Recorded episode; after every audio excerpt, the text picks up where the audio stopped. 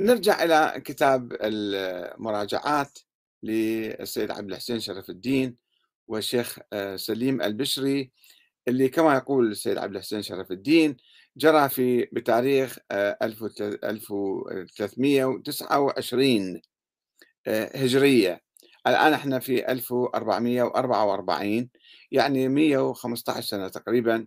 هذا الحوار جرى خلال سنة سنتين تقريبا المراسلات كان بينهما. والبعض يشكك بهذا الكتاب ويقول أنه هذا من تأليف السيد عبد الحسين شرف الدين واصلا لا هو التقى بالشيخ لما ذهب إلى مصر التقى به وربما جرت حوارات بينهم ثم كتب المراجعات هذه وما فيها شيء يعني اللي النقاط اللي اتفقوا عليها مسائل بديهية يعني والنتيجة اللي آه، طلعوا من عندها نتيجة معينة أيضا آه، علماء الأزهر ومشايخ الأزهر بعد ذلك أكدوا هذه النتيجة وسوف نرى كما ورد في الكتاب يعني ما في شيء آه، كذب أو في شيء يعني بهتان على السنة أو يعني مجرد أسئلة ونقاشات وكان يجيب أدلة وسوف أتعرض إلى بعض الملاحظات عندي على هذا الكتاب.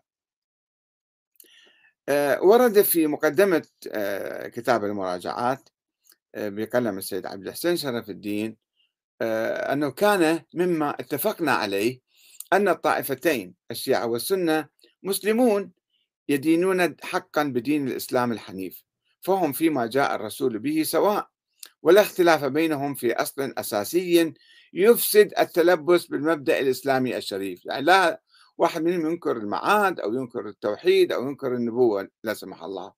ولا نزاع بينهم إلا ما يكون بين المجتهدين في بعض الأحكام لاختلافهم فيما يستنبطونه من الكتاب والسنة. أو الإجماع أو الدليل الرابع العقل يعني إن أعظم خلاف هذا مو هذا مو شيء جديد إن أعظم خلاف وقع بين الأمة اختلافهم في الإمامة يعني في الحكم يعني. فإنه ما سل سيف في الإسلام على قاعدة دينية مثل ما سل على الإمامة. الإمام يعني السلطة الخلافة الحكم يعني بصورة عامة. فأمر الإمامة إذن من أكبر الأسباب المباشرة لهذا الاختلاف. هاي نقطة مهمة جدا أن يوصلون إلها. آه، حتى نشوف هذا إذا الشيء الأساسي أنه هذا آه، أمر محلول الآن أو لا في خلاف يعني نظريا الشيعة يعني علماء الشيعة ومشايخ الشيعة يؤمنون بنظرية الإمامة حتى الآن. يؤمنون نظرية الإمامة. وهاي النظرية فيها مخلفات وفيها لوازم وفيها يعني آه، سلبيات. آه، والنتيجة يعني مثلا الشيخ سليم البشري سأل في إحدى المراجعات قال سأقتصر إن أذنت في مراجعتي إياك على مبحثين. أحدهما في إمامة المذهب أصولا وفروعا ما هي أصول المذهب الشيعي الإمامي؟ وثانيهما في الإمامة العامة يعني الحكم والخلافة وهي الخلافة عن رسول الله صلى الله عليه وسلم. في النقطة الأولى في مسائل الفقه توصل الشيخ سليم البشري في المراجعة رقم 19 من كتاب المراجعات قال لا تحكم محاكم العدل بضلال المعتصمين بأهل البيت. محاكم العدل تؤيد ذلك. والعمل بمذاهبهم يبرئ الذمة. العمل بالمذهب الفقهي الجعفري يبرئ الذمة. قد يقال بأنهم أولى بالاتباع مثلا المذهب الجعفري آه، وأيضا قال العمل بمذهبهم يجزي المكلفين ويبرئ ذممهم. كالعمل بأحد المذاهب الأربعة بلا ريب. هذه أهم نتيجة أقر بها الشيخ سليم البشري. ومن بعده مشايخ الأزهر. الشيخ سلتوت في منتصف القرن العشرين أكد هذا الموضوع. والشيخ أحمد الطيب دائما يؤكد على هذه النقطة أيضا أنه يجوز الاتباع. وأيضا حتى الحكومة المصرية يعني أخذت بعض الفتاوى الفقهية القانونية في مسائل الوصية في مسائل الطلاق والزواج في مسائل آه، معينة وعملت وجعلتها جزء من القانون المصري. يعني أخذت من الفقه النقطة الرئيسية. يعني في كتاب المراجعات السيد عبد الحسين شرف الدين حاول أن يثبت أيضا نظرية الإمامة. وجاب أحاديث كثيرة. الشيخ سليم البشري قال أنه هذه يعني مو متواترة ولا يعني نفهم من هذا المعنى معنى الإمامة. وظل يتناقشون في هذه النقاط. آه، بالحقيقة السيد عبد الحسين شرف الدين لم يقدم يعني الله يعني يجازيه خيرا قبل مئة سنة يعني هو يتحدث وليس الآن. آه، هناك تطور كبير حصل عند الشيعة. في مسألة الإمامة أنه الآن هم أخذوا من السنة أيضا يعني هذا حوار عملي جرى. يعني أنا لا أقول أخذوا من السنة أن راحوا إنما هم تطوروا إلى هذا المستوى. أنه الإمامة اليوم عند الشيعة تقوم على الدستور تقوم على على الشورى وعلى الانتخابات وعلى النظام الديمقراطي. وهذا هذا هو كان آه، أهم شيء بالخلاف كما آه، يعني اتفق بينهما الشيخ آه، سليم البشري والسيد عبد الحسين شرف الدين على أن أعظم خلاف وقع بين الأمة اختلافهم في الإمامة. لمن تكون الإمامة؟ لهذه السلالة أم لتلك السلالة؟ أما الآن لما في لا سلالة علوية ولا سلالة عباسية ولا أموية ولا عثمانية فإذا الإمامة تعود إلى الشعب. تعود إلى الأمة الإسلامية في كل بلد وهذا هو يوحد المسلمين.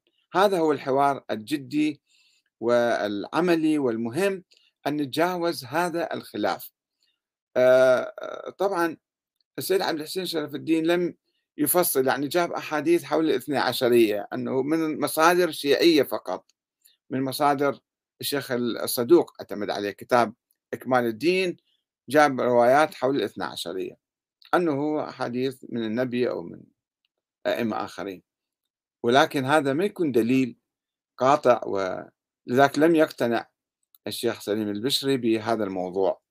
قال لها أحاديث يعني أنتم قاعد تروي من مصادر شيعية مو مصادر سنية والسيد آه، عبد الحسين شرف الدين لم ينتبه ولم يدرس بصورة عميقة أنه متى ظهرت النظرية الاثنى عشرية.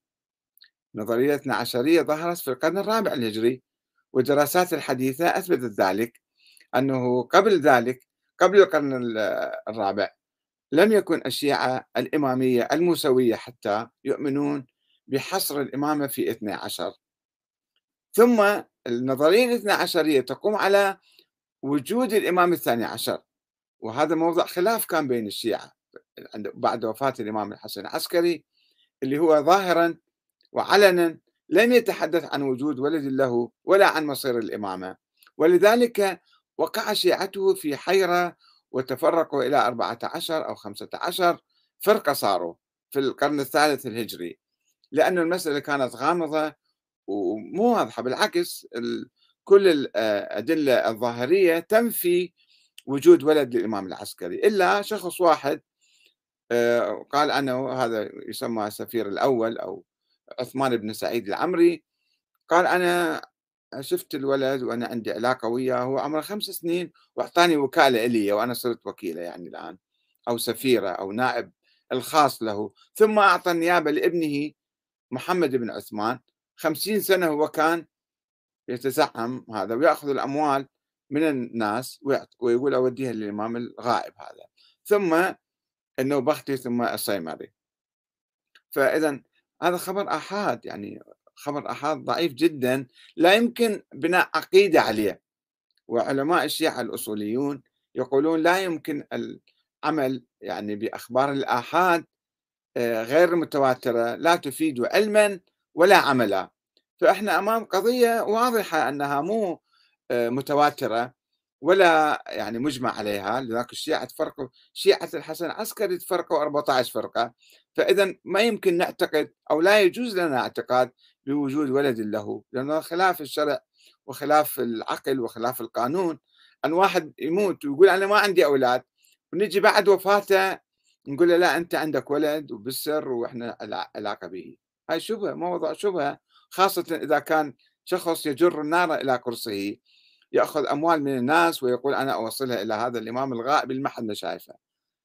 هذا موضوع جدا يعني يوقف العقل ولا يجوز لأي عاقل أن يعتقد بهكذا أسطورة. فهو المذهب الإمامي وصل إلى طريق المسدود وانتهى وانتهى بوفاة الإمام العسكري اللي هو أصلا حتى في حياته وحياة بقية الأئمة السابقين عليه كان في شك أنهم كانوا يؤمنون بنظرية الإمامة أو يتبنوها أو يعني إلا أن أحاديث سرية تنسب إليهم. أما علنا فكانوا ينفونها وكانوا يوالون حكام زمانهم ويبايعونهم وهذا يتنافى مع أنه نقول هم أئمة من الله والله معينهم وهذه الإمامة. فهي نظرية نظرية الإمامة نظرية سرية باطنية مثالية خيالية. لم تستند لا على قرآن صريح آية صريحة ولا على سنة ثابتة متواترة ولا حتى على أقوال أهل البيت أنفسهم. هؤلاء الأئمة أنفسهم علنا وبصورة واضحة وصريحة أيضا ما عندنا نصوص من عندهم بهذه الصورة. إنما روايات جمعت بعد ذلك. إجا الكليني بعد خمسين سنة من وفاة الإمام العسكري وجمع بعض الروايات وحطها في كتاب الكافي. ثم النظرية تقريبا ماتت نظرية الإمامة انتهت يعني ما موجود أئمة واحد غائب يعني هذا مو إمام. لا يمكن أن نقول لشخص غائب أنه إمام. إمام يعني يكون فاعل ويقول ويؤم الناس. فالغائب ليس بإمام. وثم اقتضت المصالح السياسية للخلافة العباسية ولحلفائهم من البويهيين أن آه، يؤلفوا أو آه، ينشئوا المذهب الاثني عشري وهو ولد ميتا هذا المذهب وما عنده ما شكل عقدة في آه، في العلاقات ما يسمى علاقات السنية الشيعية. في الحقيقة هو المذهب الاثنى عشري مذهب سياسي يعني أقصد نظرية سياسية والمذهب الإمامي هو مذهب سياسي.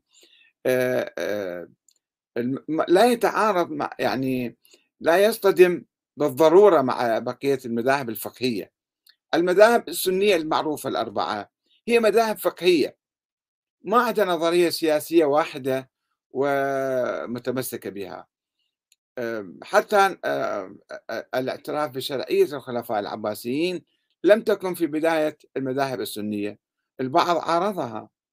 الإمام أبو حنيفة يمكن كان. يميل إلى الثورات الشيعية أكثر ما يميل إلى العباسيين. وتوفي في السجن المنصور. فلا مشكلة المشكلة الفقهية يعني المسائل الفقهية البسيطة هي بضعة مسائل بضعة عشر مسألة مثلا نفترض اللي فيها خلاف بين الشيعة والسنة. وهذه علماء السنة اليوم علماء الأزهر يقولون ما عندنا مشكلة فيها. والعمل بمذهبهم يجزي أو يجزي المكلفين ويبرئ ذممهم كالعمل بأحد المذاهب الأربعة بلا ريب. فإذا الخلاف الفقهي انتهى أو يعني ما في ما في آه، مشكلة بهذا الخلاف الفقهي. كما توجد خلافات في داخل كل مذهب من المذاهب السنية وكذلك في المذهب الشيعي كل فقيه يمكن عنده رأي معين وهناك اختلاف بآراء الفقهاء آه، في المسائل الفقهية. أما النظرية السياسية اللي هي أساس المشكلة. النظرية السياسية أن الإمامة بالنص. طيب الآن الشيعة يقولون الإمامة بالشورى وليس بالنص كما أهل السنة. وهناك اتفاق فإذا الموضوع انتهى. يعني لا يوجد خلاف حقيقي الآن بين ما يسمى الشيعة والسنة. إنما توجد عند بعض الناس المتطرفين اللي ناس عايشين بالمتاحف أو عايشين بالكهوف بعدهم ما خرجوا من كهف التاريخ يؤمنون والله الخلافة كانت للإمام علي وليست لي مثلا بالشورى. طيب هذا مو خلاف عملي مو خلاف سياسي اليوم معاصر خلاف نظري بالكتب أو بالكلام يعني.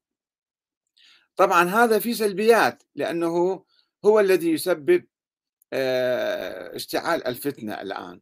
أنه والله الخلاف الخلافة كانت للإمام علي بالنص والأصحاب والصحابة أخذوا الخلافة بالغصب وتآمروا وانقلبوا وخالفوا الرسول وثم طيب كيف الإمام علي بايعهم ويتعامل معهم؟ قال لا أجبروه على البيعة واقتحموا البيت وعصروا بيت الزهراء. هذه كلها قصص يعني ألفت في قبل ألف سنة لتبرير هذه النظرية لتبرير نظرية الإمامة وتبرير سلوك الأئمة تجاه آه، الخلفاء الراشدين. الإمام علي بايع الخلفاء وتعاون معهم وناصح لهم وأصبح عضدا لهم وكان يعني بصورة مستمرة هم يستشيروا أيضا. والإمام الحسن آه، أصبح إماما بعد أبيه بمبايعة الناس ثم تنازل عن الخلافة إلى معاوية. فإذا هذه النظرية يعني آه، إذا واحد درسها آه، تاريخيا يشوف نظرية متهافتة ولا تقوم لا على حقائق تاريخية ولا على نصوص ثابتة لا من القرآن ولا من السنة ولا من أهل البيت. إنما في نظر أهل البيت كانت الإمامة مسألة عرفية ومسألة آه، يعني سياسية اجتماعية وليست دينية. لم تكن في ذهن الإمام علي أو الإمام الحسن أو الحسين أن الإمامة من الله ومسألة إلهية دينية. عمليا الشيعة اليوم قد تجاوزوا هذا الخلاف إنما بعض الناس بعض الناس السلفيين نقدر نسميهم الشيعة يؤمنون بنظريات تاريخية وفيها سلبيات وفيها مشاكل تسبب العداوة والبغضاء والفرقة بين المسلمين. هذه يجب أن نركز عليها.